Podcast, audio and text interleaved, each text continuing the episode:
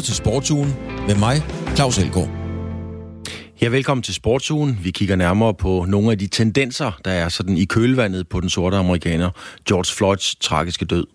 Floyd mistede livet i forbindelse med en anholdelse i USA. Er sportens verden nu blevet lammet af berøringsangst, eller er der vægt og realitet bag de tiltag og sanktioner, der bliver meldt, rundt om, meldt ud rundt omkring i sportens verden? Beklædningsfirmaet Nike har tradition for at lave ravage i den polerede sportsverden, men er det nu også sande værdier, eller er det spil for galleriet? Og så skal vi lige runde øh, Øh, MMA-kæmperen Niklas Dalby. Han skal kæmpe på en ø, købt til lejligheden af UFC. Der må ikke være tilskuere, så de har simpelthen købt en ø, og der skal de nu afvikle et stævne. Vi kigger på UFC og deres situation her under coronakrisen.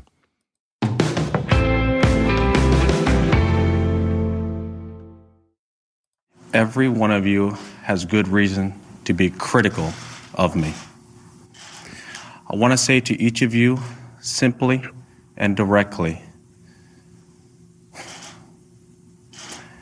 I am deeply sorry for my irresponsible and selfish behavior I engaged in.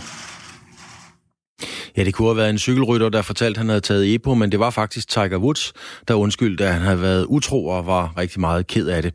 Han valgte at sige undskyld. Nike valgte at være tro mod deres golfstjerner og ophævede altså ikke kontrakten med golfikonet. Så det handler om sportsbeklædningsfirmaet Nike, eller outfittet Nike, der bliver ved med at gå sine egne veje i en ellers meget politisk korrekt tid. Eller er sandheden, at Nike lige netop er med, hoppet med på den politiske korrekte bølge? Nike har skrevet under på en aftale på minimum 10 år med den norske kvindelige fodboldspiller Ada Hegerberg, der i 2018 blev kåret til verdens bedste fodboldspiller. Aftalen er historisk stor for en kvindelig fodboldspiller. Arda Hækkerberg droppede det norske fodboldlandshold i 2017 på grund af måden, det norske fodboldforbund behandlede kvindefodbolden på. Og så sagde hun jo også nej tak til at spille med til EM i 2019, og det var selvfølgelig også for Norge. Men hvad får nu Nike til at skrive en langvarig kontrakt med en kvindelig fodboldspiller? Og hvorfor er det igen en, skal vi sige, en profil med kant, som Nike vælger at bruge som frontfigur? Ada Hegerberg kommer nu i selskab med kontroversielle kæmper som Tiger Woods og NFL-spilleren Colin Kaepernick. Og nu kan jeg så sige velkommen til Sune Bang, branding, branding ekspert hedder det, velkommen til. Hvad er det Nike med Nike? Er de, Sune, er de glatte som ål, eller tør de rent faktisk gå mod strømmen? det er jo svært at sige. Øh, altså, det er rigtig, rigtig mange virksomheder engagerer sig mere og mere i vores samfund, vi har omkring os, og ligefrem også i politik. Og øh, fordi det, det, vi interesserer os for, er reelt set det, som virksomheder interesserer sig for. Og det, vi ser i øjeblikket, det er ekstremt altså kæmpe bevægelser, om det drejer sig om køn, øh, om det drejer sig om overgreb, MeToo, om det drejer sig om øh, Black Lives Matter, øh, så, jamen, så er virksomhederne selvfølgelig også til stede der, fordi det er det, vi beskæftiger os med om det er glat, eller om det er øh, fornuftigt, eller om det faktisk er et samfundssind, hvis vi nu skal bruge det ord, så, øh, så øh, øh det er nok lidt, lidt, lidt af begge dele. Men, men hvad kan jeg sige, hvad er formålet med at lave en kontrakt med en kvindelig norsk fodboldspiller? Altså er det gør for, for at gøre fodbolden endnu mere populært, øh, og så kan Nike jo for deres egen vindings skyld, og det har de ret til, det er et kommersielt firma, så kan de sætte sig endnu hårdere på det marked. Altså det her, det er jo en diskussion, øh, som vi ikke får noget rent svar på andet end, at man kan gå ind og så prøve at se på deres ageren, og nu tænker jeg på virksomheder i det hele taget. Det der, det, der foregår i øjeblikket i kommunikation, det er, at man fra før man har fokuseret på øh, sig selv og sit eget mærke, og hvor stærkt det var, hvor hurtigt man kunne løbe med det, og hvor langt man kunne slå med de her køller, så hvad hedder det, fokuserer man nu på samfundet omkring sig. Øh, hele vores hele modelapparatet faktisk inden for kommunikation har ændret sig til, at man ikke skal beskrive produkter, men man skal beskrive, hvorfor man har en berettigelse i samfundet. Og Nike, de øh, lægger selvfølgelig også øh, øret til jorden, og så går de ind og, og siger, hvad taler folk om? Og der, øh, du kunne tage Kaepernick, som du lige nævnte øh, før her for nogle år siden, da han øh, knælede, og dengang øh, blev det nærmest smidt ud af hele NFL, øh, og, og svinet til naturligvis af, af Trump. Øh, øh, og i dag jo er den største held, og det billede, den handling, han lavede ved at knæle som fodboldspiller i Liverpool og alle mulige andre steder i hele verden gør i dag. Og det er lidt det samme med, med øh, Ada Herberg her, som, som øh, også for nogle år siden faktisk øh, stillede sig på bagben og sagde, jeg gider ikke jeg gider ikke øh, deltage på landsholdet i Norge. Øh, det var efter, tror jeg, EM, øh, øh, hvor, hvor hun sagde, jeg tror det var 17, hvor hun så sagde, det gider jeg ikke det her, fordi det her, det er, det er useriøst. Vi bliver ikke taget seriøst i forhold til mændene. Og der taler man jo også, at du er også egoistisk. Du, er, du, du tænker kun på dig selv. Og i dag, der er hun jo den store held, fordi hun netop har kæmpet for en sag, som Nike også øh, kigger på. Men hvis man nu tager, nu var der Kaepernick, som så knælede ned øh, og så videre. Det ja. var et, et politisk statement. Hvis vi så tager uh, Tiger Woods, som jeg nævnte i starten. Tiger ja. Woods, han er ude at være utro. Og, og i USA, der har de jo det, der hedder moral majority. Altså, og, der er jo stor moral i USA, siger de ja, i USA. Ja. Øh, og, ja. og, gå ind og, for, og gå ind og forsvare øh, en mand, der har været utro. Øh, hvordan tør de det? Fordi, jeg mener, med Kaepernick, ja. der kan man få halvdelen af amerikanerne på nakken. Med, med, med, med Woods, der kan man få dem alle sammen på nakken. Helt, helt enig, og den var, også, den var også virkelig, virkelig kringlet. Han var så gigantisk, da det skete. Altså, han var, han var jo sporten, som uh, Michael Jordan var det inden for NBA, og for den så skyld måske så delt Messi Ronaldo har været det i mange år inden for fodbold øh, Mohamed Ali var i boksning i en periode, og så videre, og så videre, eller, eller øh, Tyson, eller Tyson. Og derfor så var det altså virkelig en svær beslutning at vende om ryggen. Mange af de andre sponsorer gjorde det, Accenture gjorde det, de havde jo en kampagne kørende med kæmpe store billboards i, øh, i øh, lufthavnen, hvor der stod, det er ikke så vigtigt noget i stil med, hvis vi oversætter på dansk, det er ikke så vigtigt, at du er landet i bunkeren, det afgørende er, hvad dit næste step er. Og det var lidt svært i den situation i forbindelse med, med, med hans utroskab, fordi det afgørende var jo også, hvad var hans næste step. Og der er Nike. Nike har altid været den her øh, lidt plat sagt frække drenge i klassen, der har taget øh, de gamle fodboldspillere, som var lidt mere ballademærende, Erik Cantona, øh, hvad hedder det, Ronaldo for den så skyld, op imod Messi, eller de pænere drenge, som Adidas eller Puma har haft øh, igennem årene. Og der, der stod de også bag ham, de stod også bag Kaepernick, lavede den her legendariske reklame allerede, øh, hvor han fortæller om, at man må stå for, øh, inden for sine drømme, også selvom at alle omkring der siger, at du er syg og, det, og den er galt, det du laver i øjeblikket. Men, og der har Nike altid været en fræk dreng.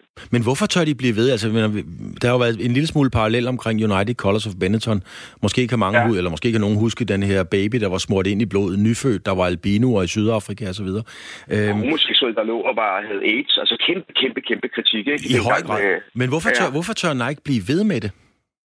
Øhm, altså, okay.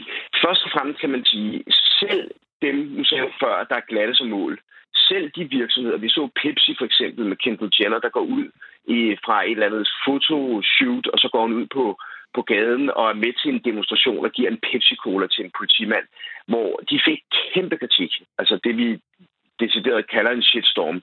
Det gjorde Nike også i forbindelse med det. Det, der jo rigtig, rigtig ofte sker, og det skete også for Nike, og det skete også for Pepsi, det var, at deres salg steg bagefter, når tingene havde lagt sig lidt.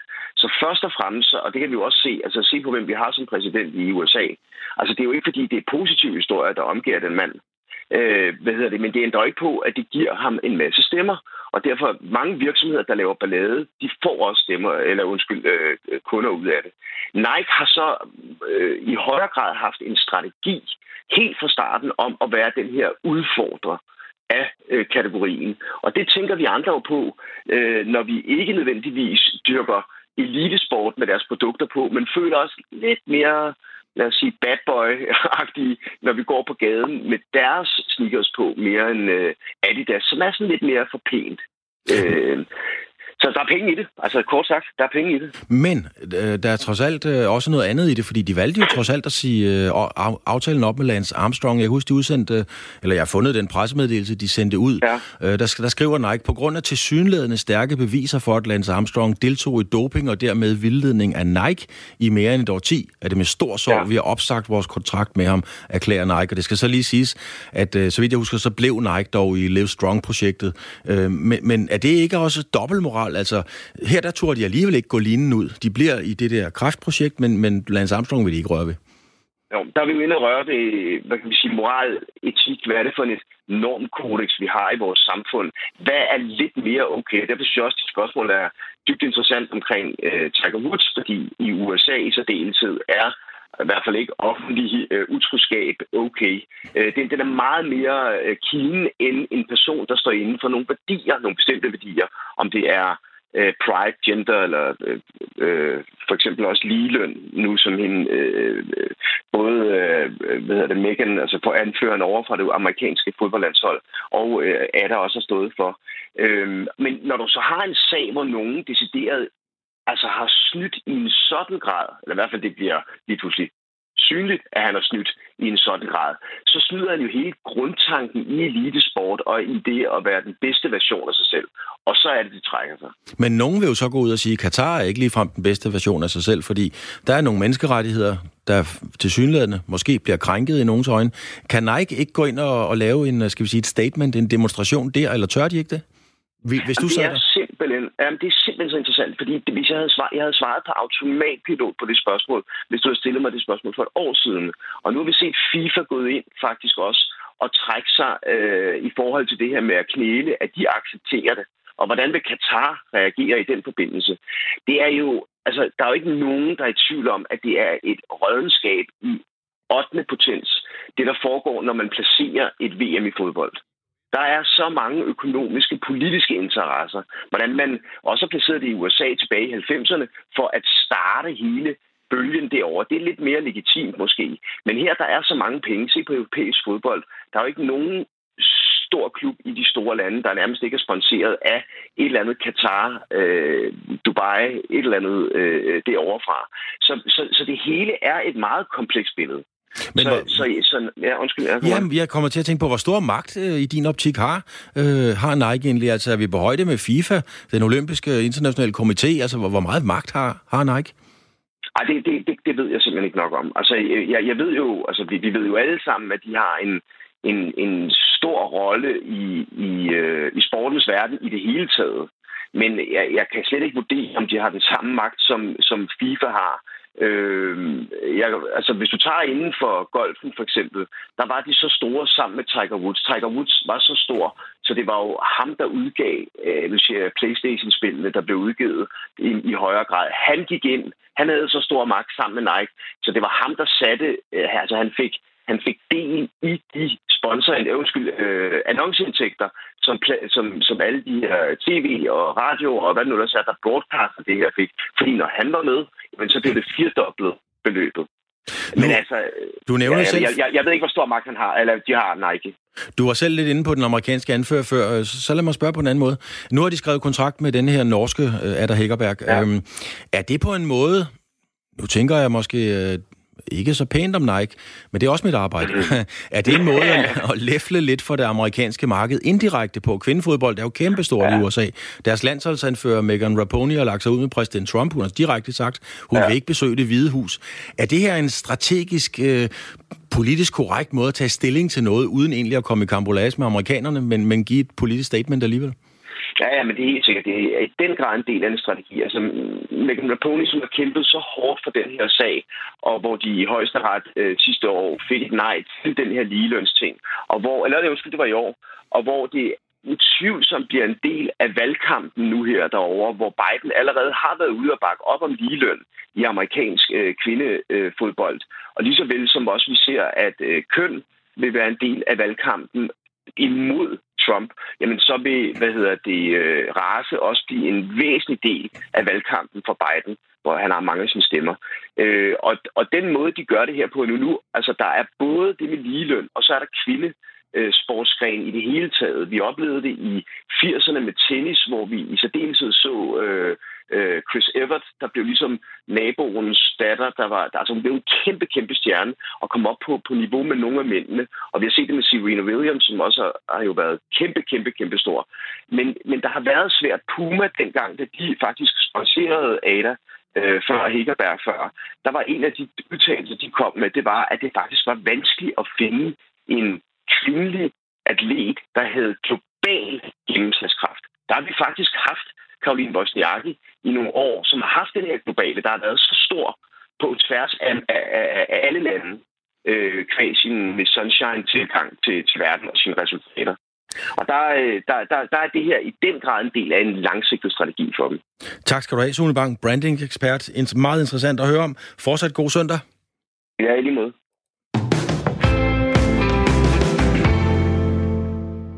De store kommercielle virksomheder er kommet for at blive professionel sport, det er der næppe tvivl om, og de vil søge stadig større indflydelse på de sportsgrene, de nu engang engagerer sig i.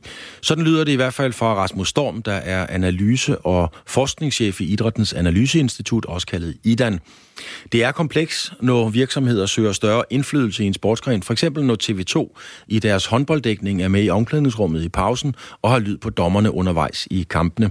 I fremtiden vil den kommercielle indflydelse præge sportsgrene i endnu højere grad. Der vil jo være nogen, som vil sige, at alting var bedre i gamle dage, hvor hvor det var mere, hvad skal man sige, den ærefulde kamp for, med, med amatørisme og den slags ting, som, øh, som var ligesom var det her, hvor, hvor, hvor måske også mange af klubberne sådan var mere, hvad skal vi sige, lokalt forankret. Der er jo, I dag kan man sige, den, den uskyldighed er jo kastet over bord. Der er jo, der er jo virkeligheden, der er selvfølgelig nogle klubber, som dyrker det der brand om at have en meget mere sådan lokal tilknytning og have en helt bestemt identitet det er jo klart, at i og med, at, øh, at hvad skal man sige, de internationale spillemarkeder er så åbne, der er så mange penge i det, og medierettighederne, øh, altså salget af dem og værdien af dem er steget så meget. Og også at der jo, øh, hvis du kigger på Premier League for eksempel, jo er en hel række internationale ejere, og at fodbolden i det hele taget er blevet global. Øh, jamen det har selvfølgelig nogle, hvad skal vi sige, nogle konsekvenser. Øh, og, og det vil der jo være nogen, der vil sige, jamen nu har vi nu har vi løftet, eller nu har vi løftet det væk fra det, det var. Øh, det er jo sådan en, en lidt, hvad kan vi kalde det, en romantisk forestilling, man kan have om, hvordan fodbolden er. Positivt udlagt, synes jeg jo så også, man må sige, at det er jo en, det er jo en udvikling, som mange aktører og også fans gerne har ville have. De har jo også gjort nogle positive ting med fodbold. Altså, selvom det er klart, at, at øh, hvad skal man sige, hvis du kigger på, hvor meget nogle af spillerne bliver handlet for, og, og hvor stor øh, hvad skal man sige, løn de får, så, så kan man sige, at den stigning, der er i det, øh, er jo uproportional i forhold til, hvor meget spillet har løftet sig. Det er jo simpelthen et, et spørgsmål om, hvor mange penge der efterhånden er i det her game. Ikke?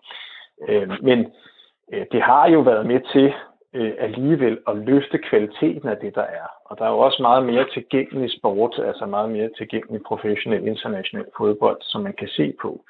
Så der er jo, der er jo, altså, der er jo tvivlsomt en kvalitetsmæssig løft, og muliggør jo også, at spillerne kan træne mere, de kan agere mere professionelt, og de kan øh, hvad hedder det, på den måde løfte øh, kvaliteten af det produkt, der er. TV-mediet har jo også været med til at hvad skal vi sige, påvirke, hvordan man transmitterer de her ting. Så der er jo, det, er jo, det er jo en udvikling både med positive og hvad skal vi sige, negative dimensioner. Ikke? Man kan sige, i USA og deres øh, kommersielle sportsgren over i NFL, NBA osv., der er de jo også øh, øh lavet mange spilstop og gjort plads til re- sponsorer og reklamer, selv ude på, på stadion, så i arenaer kan, er, der, er der underholdning nærmest hele tiden. Hvor mange muligheder er der stadigvæk tilbage? For jeg forestiller mig ikke, at en stor virksomhed som Nike øh, eller Rolex inden for tennis eksempelvis, ser vi dem være meget fremme og golf, øh, at, at de bare læner sig tilbage og siger, nu har vi fint med indflydelse. Altså, kan man forestille sig nogle, nogle øh, ekstra ting, der bliver, til, der, der, der bliver taget, altså nogle ekstra tiltag? Kunne man spille 3 gange 30 minutter i fodbold, for så var der plads til nogle flere reklamer? Eller hvor meget tror du, øh, virksomhederne øh, har mulighed for at tænke kreativt? Jeg tror sagtens, at der kan komme mere af det. Altså, det har vi jo også allerede set herhjemme, bare i, hvis du nu tager en anden sport i håndbold for eksempel, er jo også, har jo indført timeouts så øh, med, med tv-dækning direkte på, og det var der jo også en diskussion om i forbindelse med, at det ligesom blev indført. Men det er jo en, det er, jo, det er jo noget, som både, hvad skal man sige, sponsorer og dem, der er med til at betale for, hvad skal man sige, det her, det, det her underholdningsprodukt påvirker, men det er jo også noget, som, som de aktører, der arbejder inden for branchen, godt er klar over, at de er nødt til at tilpasse sig og stadig gøre. Altså det, der er sagen, er jo, at, at selvom fodbold er et, et massivt underholdningsprodukt, så er det jo også et, et underholdningsprodukt, der er i konkurrence med alt muligt andet. Der kommer for eksempel e-sport galopperende nu her, ikke, som øh, tiltaler en ny generation af unge, som begynder altså se e-sport fuldstændig på samme måde som øh, min generation, kan man sige, er vokset op med at se øh, live tilskuersport i sådan traditionel forstand. Og der er man jo nødt til at udvikle, altså der vil, der vil utvivlsomt være nogle kampe om nogle markedsandele, øh, ikke bare i forhold til e-sport, men også i forhold til alle mulige andre oplevelsestilbud, som som de her forbrugere kan, kan tage. Jeg ved selvfølgelig godt, der, er en, der vil altid være en kerne af meget, meget dedikerede fans, som formentlig vil interessere sig for fodbold. Men på længere sigt vil, det, øh, vil, vil de markedsandele forskubbe sig over tid. Øh, der vil i hvert fald være en forøget konkurrencesituation, og der vil hele tiden være en konkurrencesituation i forhold til andre øh, skal man sige, kommersielle produkter. Så det vil sige at det er internt inden for branchen i sig selv, inden for fodbold i sig selv, vil der jo også, også i forhold til medieselskaberne, de har jo også en, de skal jo have noget ud af de medierettigheder, øh, dem, der har købt dem, skal noget, have noget af de her medierettigheder. De skal sørge for, at hvad skal man sige, den, den seerskare, der er til det her, før det ligesom kan, kan svare sig, det skal jo tjenes hjem. Så, så der er man jo nødt til at udvikle produktet og komme med stadig mere, hvad skal man sige, forbrugervenlige tilpasninger og ting, der gør det spændende. Og der er selvfølgelig mange hensyn, man, man er nødt til at tage. Der vil også være nogle sponsorer, der vil sige et eller andet, men der vil også være i det hele taget det at gøre produktet mere spændende, fordi så vil det også være muligt at få store internationale firmaer til at, at fortsat være med til at sponsere det, hvis de kan se sig selv eksponeret godt nok. Og der vil uden tvivl være nogle ting der, hvor man kan hvor man vil se nogle udviklingsprocesser. Det kunne godt være tre gange, øh, hvad hedder det, øh, 30 minutter, øh, eller, eller noget andet, som, altså, eller nogle andre typer spilstop, eller, eller særlige, hvad skal man sige, udviklinger af regelsættet, som vil gøre det mere, øh, forsøge at gøre fodboldproduktet mere spændende. Ikke? Øh, og, og, og det, det, det, det, den, den udviklingsproces er jeg 100% sikker på, at vi kommer til at se. Og så er spørgsmålet selvfølgelig, hvor meget vi hvem er det så, der vil trække primært de der tråde? Der vil, der vil nogle af de store sponsorer, for eksempel Nike, Rolex, eller hvem det nu er, der kunne være, kan med sponsere her, de vil selvfølgelig også øh, lægge et tryk på det. Kan man forestille sig, at der er virksomheder, der, der går ind i en sportsgren for at brande den sportsgren, så vi har set mange øh, computerspilsproducenter lægge mange penge ja. i e-sport, fordi nu er der lige pludselig et, øh, også et øh, kommercielt sportsligt marked for det. Kunne man forestille ja. sig, at, at Nike eksempelvis kunne tage øh, hvad ved jeg, en sportsgren, som ikke er så stor lige nu, og så prøve at løfte den op, for så at kunne danne, om man så må sige, sit eget marked for det? Jamen, det kunne man sagtens. Altså, det mener jeg øh, overhovedet ikke er... Altså, sådan nogle, den, den type aktører, der er så store og har så meget markedskraft, som de har, de vil utvivlsomt også kunne være med til at løfte en sportsgren. Det kunne være, altså som sagt, øh, kvinderfodbold, ikke, som er, er noget, der... Altså, det, det virker som om, at det begynder ligesom at... Altså, der er også internationalt, er der, er der også nogle nationer, som ligesom begynder ligesom at få øje på, at her kunne der være en udviklingspotentiale. Vi har jo set det her hjemme, for eksempel håndbold med dame, øh, damehåndbold kom på et tidspunkt meget i vælten jo, altså i midten af 90'erne frem, hvor man begyndte at klare sig godt, og var i virkeligheden i en lang periode meget mere øh, populær, den herrehåndbold var.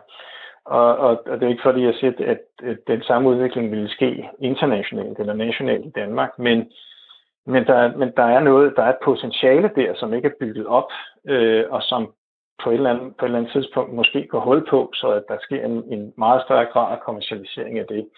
Men det kunne også være nogle andre sportsgrene, som, som store, øh, hvad skal man sige, at, at hvis, man, hvis der er nogen, der får øje på, at der er et hul i markedet, der skal fyldes ud, og at man, man ved at hjælpe det frem også kan, hvad skal vi kalde det, øh, øh, fremprojicere sit eget brand øh, og sine egne produkter, så tror jeg, altså, så vil det, så det, det, det, det vil jeg tro, at det også vil ske. Altså, øh, det, det, det, det er slet ikke usandsynligt. Og det var ordene fra Rasmus Storm, altså analyse- og forskningschef fra IDAN, Idrættens Analyseinstitut, og det var min kollega Christoffer Møldrup, der havde talt med ham.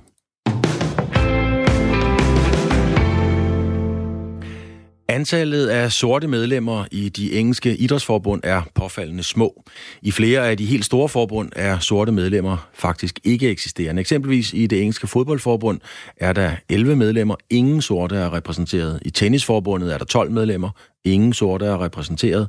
Og i cricketforbundet er der 12 medlemmer, ingen sorte er repræsenteret. Det er i bestyrelserne.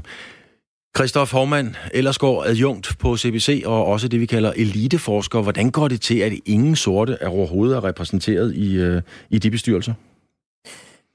Jamen, det er måske noget, som egentlig er meget parallelt med, hvad vi ser i resten af samfundet, nemlig at dem, der sidder i bestyrelser eller laver netværk med hinanden, ofte kommer til at ligne hinanden. Så på den måde er det jo ikke så forskelligt fra, hvordan bestyrelseslokalerne i de store britiske virksomheder for eksempel øh, ser ud. Men det er sådan en, en tendens til, at man, man tager nogen, der ligner en selv, og når man rekrutterer folk, prøver at finde folk til de her poster, jamen så kigger man tit efter nogen, man kan se lidt af sig selv i, og nogen, man tror passer ind, og så sker der nogle gange det, sikkert ubevidst, at man kommer til at fravælge de her minoritetskandidater, der er vokset op i en lidt anden kultur, taler på en anden måde, ser lidt anderledes ud. Det, det samme gælder jo, og har jo også været et stort problem for så vidt angår kvinder i, øh, i hvad man siger, i øh, de vigtige øh,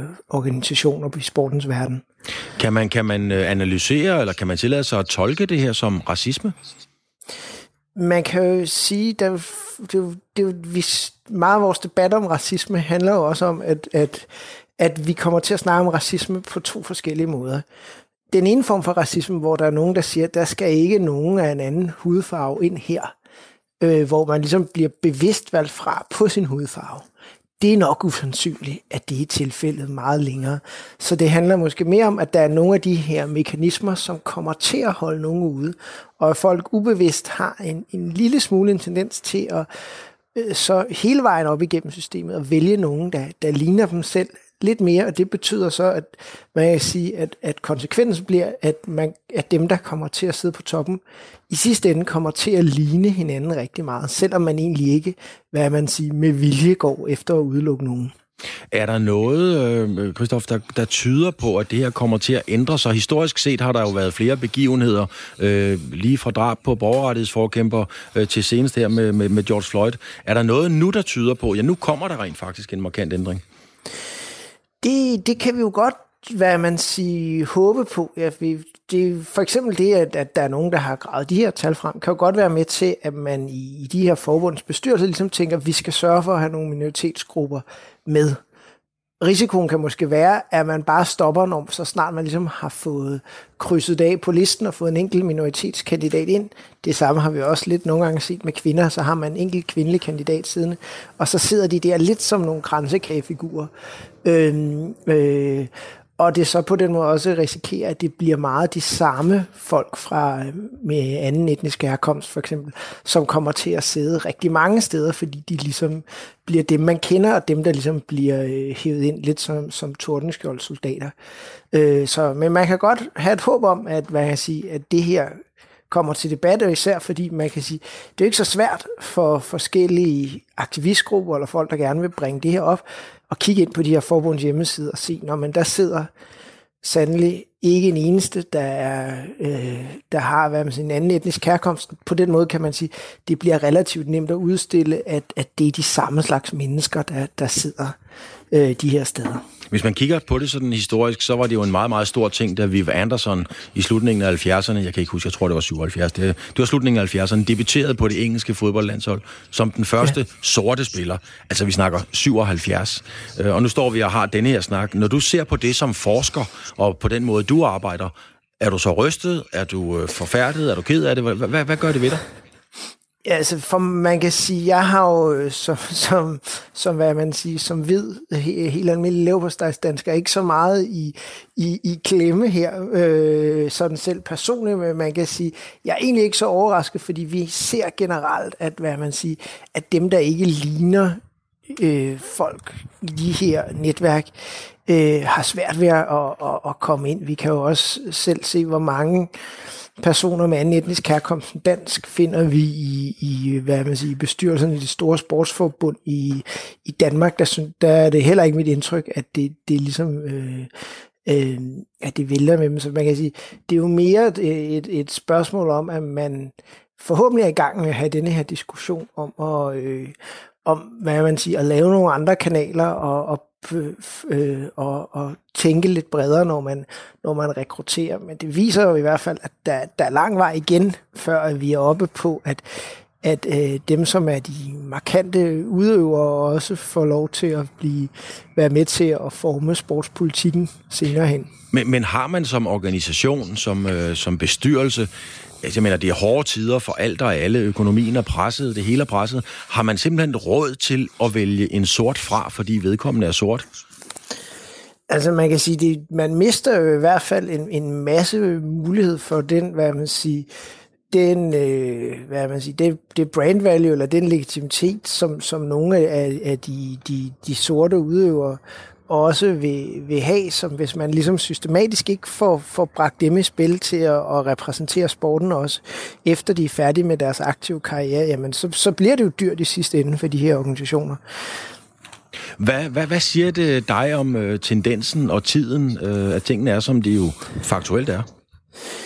Altså, det, det siger måske noget om, at, at vi jo måske stadig har det her problem med, at vi har fået, hvad man siger, vi har efterhånden fået åbnet op for, for, øh, for hvad man siger, at udøvere kan, kan have alle mulige forskellige baggrunde, men at vi måske stadig har problemet, når det kommer til, til, til ledere og, og trænere i sporten. Så fordi det ved, har man jo også, hvad man siger, for eksempel i amerikansk fodbold, har haft den her diskussion af, at man har en voldsom, voldsom overvægt af, af spillerne, som er, som er afroamerikanere, men ikke specielt mange af, at, at trænerne stadigvæk arbejder også ligesom med forskellige måder for at håndtere det. For eksempel, at man skal interviewe, når man får en ny, øh, skal have en ny træner, så skal man interviewe mindst en af minoritetsbaggrund, simpelthen for at sikre, at man lige får åbnet øjnene op og får, får hævet øh, pågældende indenfor, og måske en gang imellem så kan blive overbevist om, at der var faktisk nogle spændende kandidater, hvis man,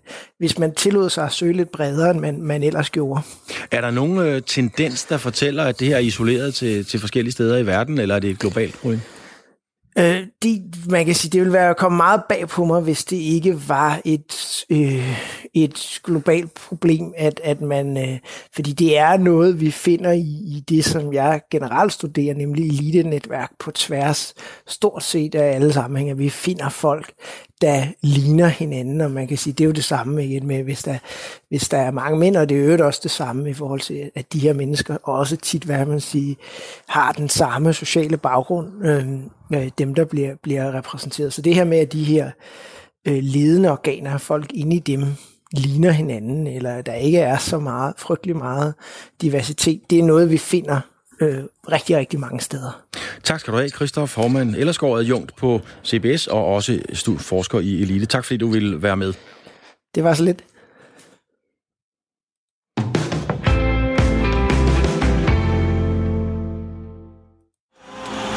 That you hear is the symphony of the Danish fans singing along to the walkout of Nicholas Dalby been away for three years and he's been in the depths of hell and he's clawed his way back. This is an inspirational story. It really is. Fighting out of Copenhagen!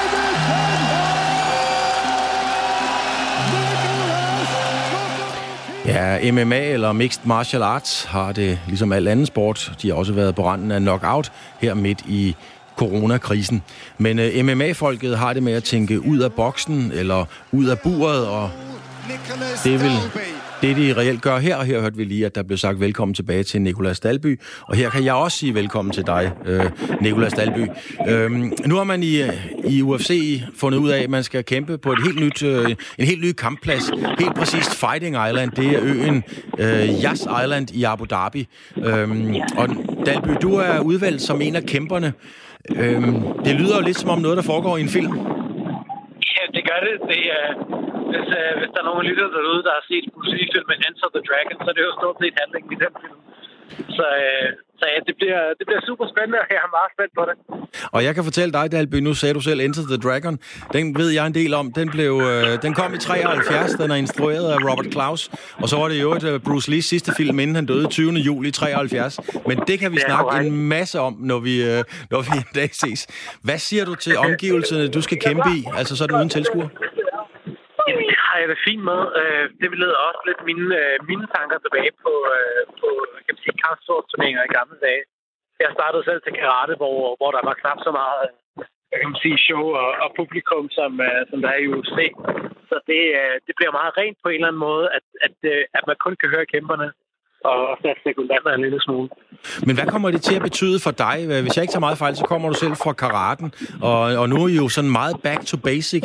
Hvad, hvad kommer det til at betyde, at man ikke har det, det støjgitter, som, som der normalt er? For mig betyder det ikke det store. Øh, på godt og ondt, så er jeg ofte, når jeg kæmper og går ind til en kamp, så er jeg så fokuseret, at jeg, at jeg på den måde ikke at publikum på den måde ikke har så meget betydning. Selvfølgelig giver det altid noget, når man som jeg også spillede et, et lydklip af, øh, da jeg gik ind i Royal Arena. Øh, sidst jeg kæmpede til, til nationalmelodien, og, og folk var helt op at køre. Det gav mig lige 10 procent ekstra. Men som udgangspunkt, så, så er jeg der, hvor jeg skal være med eller uden øh, publikum. Øh, apropos en lille smule støj, du, du lyder som om, ja det kommer ikke også ved i virkeligheden, men det lyder enten som om, at du er i gang med at, at blive submittet, eller du sidder i en sauna. Jeg kan ikke rigtig finde ud af det. ja, jamen, du er tæt på med, med nummer to bud. Jeg sidder lige oppe med min øh, fysiske træner hans øh, udendørs uh, spa, så, uh, så ja, hvis der er lidt støj i baggrunden, så Okay. Øh, Du er, du er blevet en voksen mand i det her fag, i hvert fald øh, 35 år, ikke? Øhm, Så man har jo ikke alverdens tid tilbage i buret. Er, er det her en vind- eller forsvindkamp for dig? Nej, det er det absolut ikke. øh, jeg, øh, ja, det, jeg, jeg er 35, men altså fysisk føler jeg mig måske som en på 27. Ja. Øhm, de fleste MMA-fighter, uanset hvad, de, de piker ofte i, i start 30'erne. Og, øh, og, og når man kigger også lidt på øh, i MMA, der handler det også meget om, hvornår man er startet, og hvor mange hårde kampe man ligesom har været i. Så det er ikke sådan ligesom i fodbold, hvor man er nærmest definitivt er færdig, hvis man er, er i, øh, i midt 30'erne. Øh, så, så jeg vil sige, at min reelle kampalder, hvis man kan kalde det, det er måske nærmere 27, end den er 35. Dalby, øh, du er blevet spurgt om det her rigtig mange gange, og det er jo en god grund til, at jeg også spørger dig. Og du kan næsten allerede regne det ud. Øh, Hvad med ham der, Marco Madsen? Altså, var det ikke på tide, at vi fik en kamp med jer to? Altså, nu er han jo en vægtklasse lavere end mig, øh, men nej, altså, vi er på helt, to helt forskellige kompetence- og niveauer. Altså, han, han, er, han har selvfølgelig en baggrund i, øh, i olympisk brydning, men MMA, som man også kan se, øh, er jo en helt anden sport. Og, øh, så, så det vil ikke give nogen mening. Øh, hverken fra et sportsligt perspektiv, men, men også bare sådan, altså, ud fra et dansk perspektiv, så vil det jo være vildt ærgerligt, at vi, ved at vi kæmper mod hinanden, det vil sige, så kapper man ligesom hovedet af den ene flange. Ikke? Øh, nu, nu har vi to kæmper, der kan gå ud i verden og repræsentere Danmark. Fordi den, der taber, uanset om det er mod hinanden, eller om vi kæmper mod andre kæmper, så kommer man jo ligesom. Der er, jo, der, er jo, der er jo så mange kæmper derude i verden. Så hvorfor skulle vi ligge og kæmpe mod hinanden? Når der er så mange andre dygtige kæmper derude, vi kan, vi kan kæmpe om. Og, og hver især. Ja, der ligger en, øh, der ligger en, øh, en, en, en spændende fremtid for jeres begge to derude. Dalby, tillykke med, at du er blevet udvalgt til at skulle kæmpe på, på, på Fight Island. Det bliver en uh, utvivlsomt meget, meget stor oplevelse, og held og lykke med det. Jo, tusind tak. Og så kan vi også sige, øh, ja, vi skal lige høre Dana White, øh, altså øh, præsidenten for UFC, øh, da han ligesom offentliggjorde løftesløret for setup'et på Fight Island i Abu, Abu Dhabi. Abu Dhabi has actually created the safety zone on the island within 10 square miles on Yaz Island will just be inhabited by us. And it'll include an arena, hotels, training facilities for the fighters that are private so, so that the, you know, the whole COVID-19 thing is covered, uh, dining establishments, and yes, there is an octagon on the beach. Og det var altså Dana White, præsident for UFC, der kom øh, frem og sagde det her. Nicolas Dalby skal altså være med på Fight Island, og det er der både noget science fiction og noget antikt over det arrangement. Martin Bøge Petersen, du er MMA-ekspert og bliver brugt af flere store medier, blandt andet BT, Ekstrabladet og Politiken.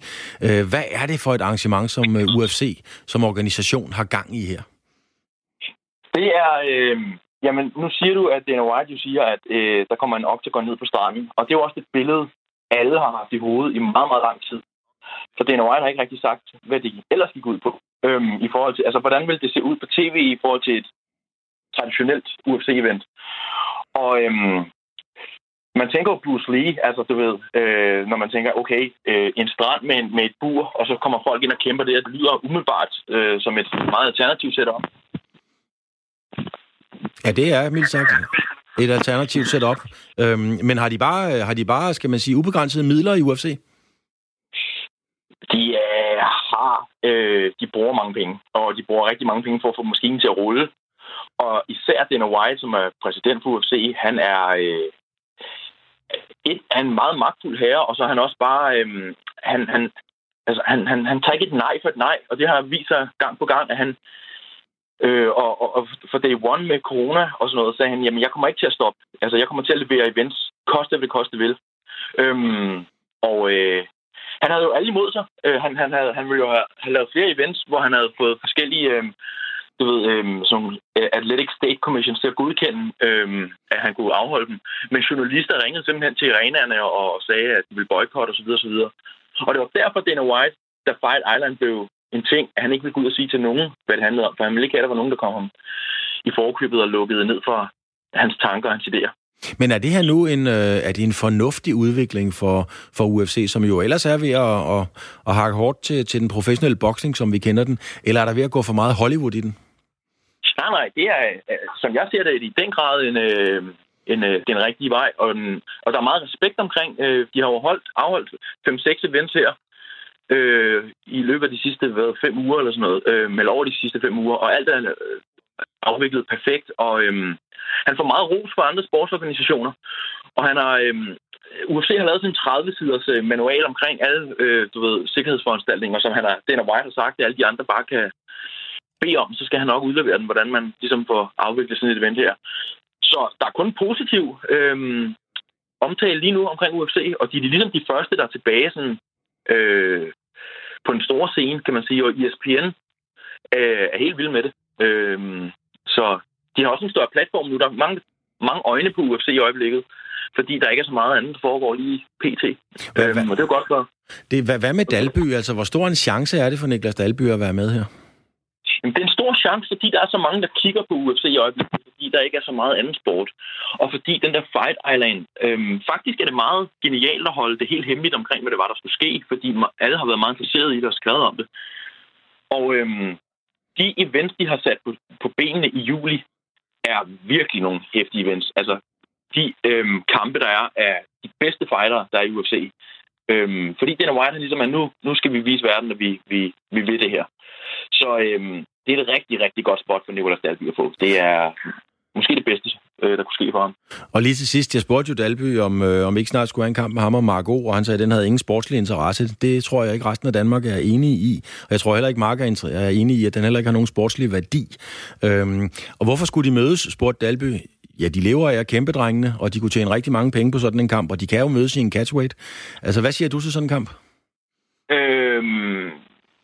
Synes jeg, der er helt ret i. Det giver slet ikke nogen mening, fordi de er hver deres vægtklasse, og øhm, jeg tror, de planer, Marco har, er nogle helt andre planer, end dem Dalby har, i forhold til at nå deres mål.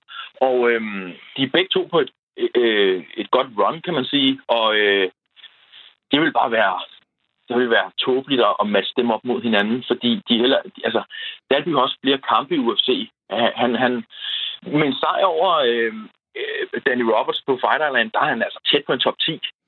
Øhm, og hvis Dalby kommer i top 10, så er det rigtig sjovt. Og man kan sige, Marco har noget helt andet kørende for sig. Han har en rigtig god manager, som virkelig pusher ham og får ham på nogle gode events også. Så jeg synes bare, vi skal omfavne, at vi har to så gode fightere, som gør det så godt i den største organisation i verden. Det er det, vi gør. Tak for budet på det, Martin Bøge Petersen. Tak, fordi du har tid til at være med. Selvfølgelig. Så tak. Slight deflection. De Jong battling in for Messi! And again, it's on the spot for Martin Braithwaite. Almost literally on the spot. Martin Braithwaite with the goal, his debut goal for Barcelona. Martin Braithwaite, Barcelona. Det er altså bare Martin Braithwaite, som øh, scorede for Barcelona, da de i går vandt 4-0 på udebane over Mallorca. Og det var jo altså med Braithwaite i hold i startopstillingen, hedder det, og endda som målscorer til 2-0. Braithwaite kom til Barcelona under pussy omstændigheder, udløst af en situation efter transfervinduet var lukket på grund af skader osv., så, videre, så fik man lov til at lave et indkøb, der dog var begrænset af et prisloft. Øh, der var mange ting omkring det. Og der var også mange, der trak en smule på spilebåndet og tænkte, hvad skal Martin Braithwaite dog der? Fakta er, han starter inden, han laver mål. Tommy Beckmann, du er vores ekspert på fodboldmagasinet 4 på foden. Hvad har coronakrisen betydet for Braithwaite? Jamen, jeg tror den har været positiv. Øh, ret beset. Der var mange, der snakkede om, at det måske skulle være negativt, fordi nu Suarez så man også var tilbage igen i går, så var spørgsmålet om, om den rolle, han nu har tiltænkt, den egentlig ikke var så, så aktuel alligevel, når, når, når hvad hedder han, Suarez han nu er tilbage. Men øh, dengang han blev, han blev solgt til, til, til Barcelona, der, der sagde at der ville vi frygte, at der simpelthen ikke var tid nok for, for Braithwaite, ligesom at lære det her system, man spiller i Barcelona, lige at løbemønster og så videre. Og nu har han trods alt haft en, en tre måneders pause næsten, hvor han har kunne, kunne lære de ting. Jeg var klar over, at de ikke har kunne træne som hold, men han har nok fået en hulens masse videoer og noget personlig træner indover, for ligesom at, at give ham de her, de her redskaber til at kunne, kunne klare det i Barcelona. Altså, Brathwaite er jo et fysisk monster, øh, sagt på den gode måde. Han er altid i god form. Øh, er det derfor, han har fået en startplads? Nej, jeg ved ikke, om det er, fordi han er i, i fysisk form. Der er selvfølgelig også nogle andre ting, der spiller ind. Altså, hans, hans rolle på Barcelona øh, er, læste også bliver mere end bare at være, være, være et, et monster. Altså han, han, han kan deltage i offensiv defensiv dødebold. Det er også et, et sted, hvor Barcelona typisk øh, har nogle, nogle vanskeligheder. Og så er det selvfølgelig fint, når han spiller, man kan sætte ind og, og hjælpe der. Øh, men jeg tror ikke kun det er, fordi han, er, han generelt er i god form. Jeg tror også, det er fordi, at, at han, han, har, han har nok gjort det fint til træning og vist, vist sig frem. Og så måske også, det spiller selvfølgelig også ind, at Suarez han måske ikke er 100% klar endnu, at han, øh, at han spiller. Men jeg synes, at det var et godt tegn i går. Han, han, var, han, han var egentlig få, der spille 90 minutter. Øh, de havde fem udskiftninger, så halvdelen af alle markspillerne blev, blev taget ud. Han var ikke en af dem. Ikke? Så der kan du så sige, okay, det kan, have, det kan være, fordi han er i, i generelt god form, at han får lov til at spille 90, så de andre måske skal skånes lidt. Er du selv overrasket over, at han har klaret sig så godt, som man jo helt, altså helt reelt har? Ja, ja, ja, selvfølgelig. Øh, jeg var da også en af, en af skeptikerne, der havde været solgt til Barcelona, og tænkte, at det var måske lidt et overmatch, og det tror jeg ret set stadigvæk, det er. Men derfor øh, kan, kan, kan han stadig gøre det godt, og gør det også godt. Øh, man vokser også med sine medspillere, og jeg tror ikke, der, der findes ret mange bedre med, medspillere, end at spille enkelt med Lionel Messi. Og det er ikke i tvivl om, det er også noget, der udvikler ham, og noget, der gør ham bedre at spille med bedre medspillere. Så, øh, så jo, selvfølgelig er man overrasket over, at det, at det går så godt, at han spiller foran øh, Suarez, øh, når han ja, måske ikke 100%, men jeg havde troet, at man altså, var 70, så skulle Suarez nok få lov at spille. Men han fik lov at spille i går, øh, uh, Braithwaite, og jeg synes, at det er imponerende. Og, og han har måske en god mentalitet til det, at, at han er ikke en, der, der ligger sig ned for stjernerne. Han, han, øh, han udfordrer dem måske nærmere. Allerede inden Braithwaite overhovedet var kommet i gang i Barcelona, der var der jo allerede skriverier og fortællinger og rygter om, at han også skulle sælges videre meget hurtigt. Altså, der er jo ingen tvivl om, at når han starter inden, og han ovenikøbet scorer mål, så må hans øh, værdi jo på markedet være, bestedet, være steget betragteligt. Er det her et salgstrik? Altså, kunne man forestille sig, at Barca på forhånd har vurderet, jamen vi slår Mallorca uanset hvad, og nu lader vi Braithwaite stille, starte inden, og hvis han scorer, jamen så har vi et, en, en god salgsvar? Oh, jeg ved ikke, om I, de har tænkt det i de baner, men altså, man, skal, man skal nok huske, at det er en spiller fra Leganés, Han er nok billigere en spiller fra Barcelona. Eller lige, jo flere minutter han får, jo lettere bliver han også sælge. Om det så er meningen, at han skal sælges til sommer, det, det, må, det må tid, det bliver så i løbet af efteråret nu, når transfervinduet nok rykker sig. Øh, det må tiden så vise, ikke? Altså, jeg tror, der er andre i sådan en, som, som Osmane Dembélé er nok spiller, de hellere ved med, men for, måske får endnu svært ved det, kvæg han er skadet og, og ikke har spillet så meget her på det seneste. Så jeg tror ikke, det er ham, der står først i køen for, for at blive sendt videre. Øh, nu solgte de også i, i de sidste transfervinduer, der sendte de også et par, par U21-landsspillere videre, så, så det er ikke fordi, de har en, en, en sindssygt bred øh, trup over foran. Øh, også når man ser på en spiller som Suarez, der generelt er skadet, øh, relativt meget skadet her på det seneste, 33 år lige opereret i knæet. Kender jeg selv fra per erfaring, at det er, ikke, det er ikke altid så let at komme tilbage.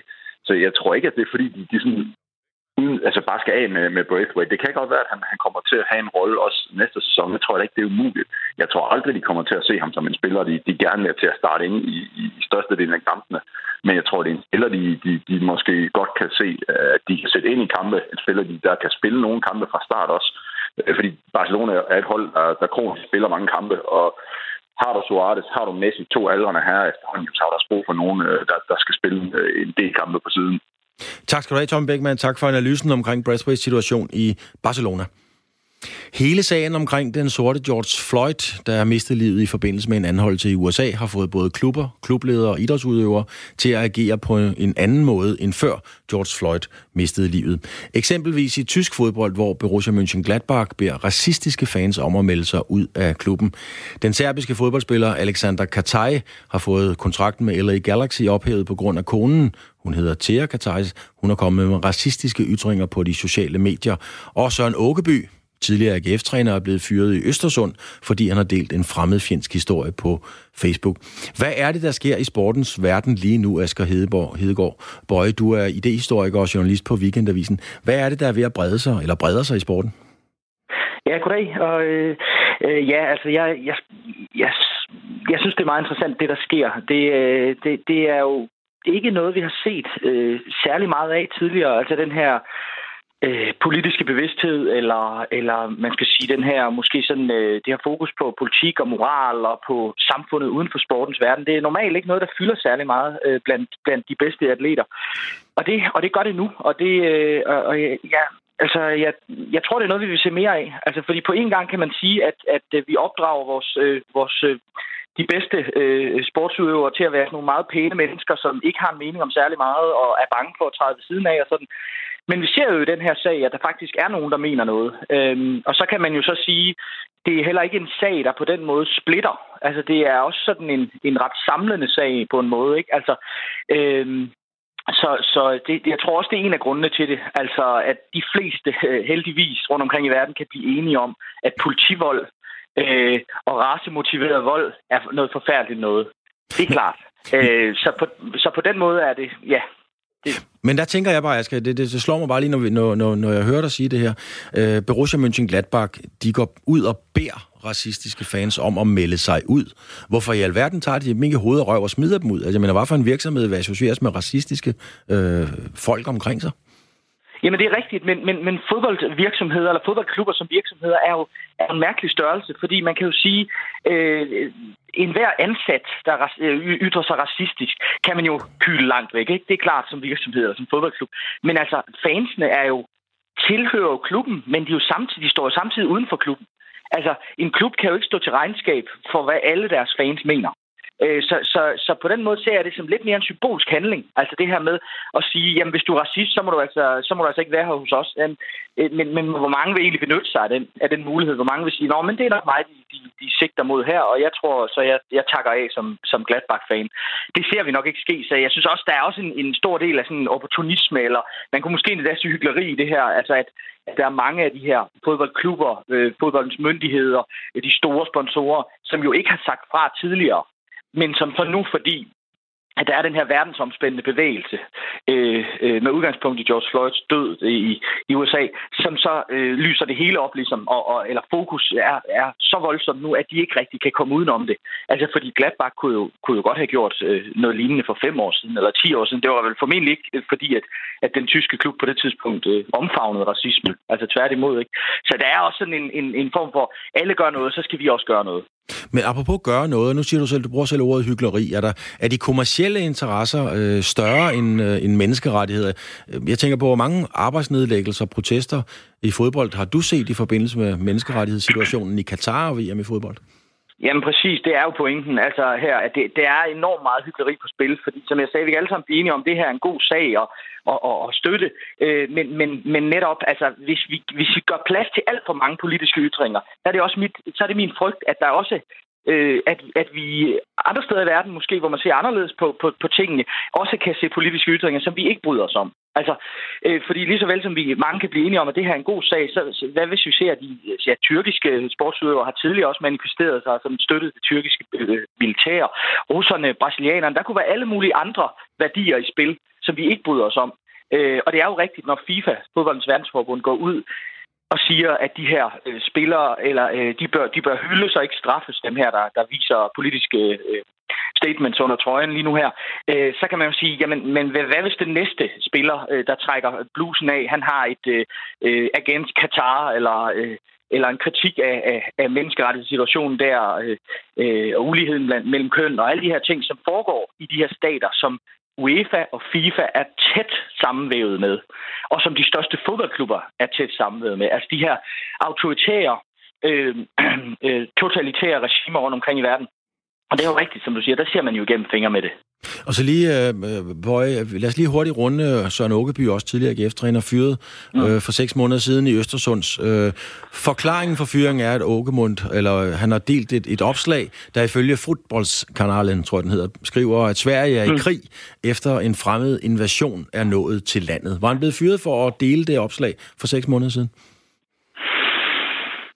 Åh, det er svært. Øh, det var han muligvis, fordi at svenskerne øh, måske ser sådan på det, at, at, at de her meget yderliggående ytringer, dem har man altså ikke, øh, dem har man ikke lyst til at have i den offentlige debat. Øh, så, så det kunne han godt, men man kan sige, at det, det, det taler jo ind i, i den her udvikling, der er lige nu. Øh, og, og hvor man kan sige, at at, at det er da en, en beskæmmende udtalelse, helt sikkert. Øh, men, men det er stadigvæk, øh, der er stadigvæk grader af det. Altså, jeg, jeg synes, øh, Altså, lige nu slår vi lidt alt over en kamp, ikke? Alt er racisme. Øhm, og, og, det, og det kan være meget effektivt sådan, øh, i, i en kritik af racister. Men, men, men vi skal også passe på måske netop med at, at, at være for meget et holdningspoliti, tror jeg. Fordi vi netop, det netop kan slå hurtigt om, og så kan vi sige, jamen, øh, hvor går grænsen for, hvad man må mene og tænke øh, som, øh, og sige som, øh, som sportsmand eller leder. Bøje, nu får du det sidste spørgsmål. Du har 30 sekunder til at svare, og det er endda et stort spørgsmål. Hvor lang tid vil den her tendens vare? Er det en holdbar udvikling? Jeg tror kun, vi har set det første af det, og jeg tror, øh, det, det er primært noget, der foregår i USA og nu i Vesteuropa, men jeg tror, vi vil se det brede sig, og, og jeg tror, at fodboldens myndigheder ved at have åbnet en kattelem nu, løber ind i store problemer, også med et OL i Tokyo og med et VM i Katar og de her ting. Jeg tror, jeg tror vi vil se øh, mange flere af de her manifestationer.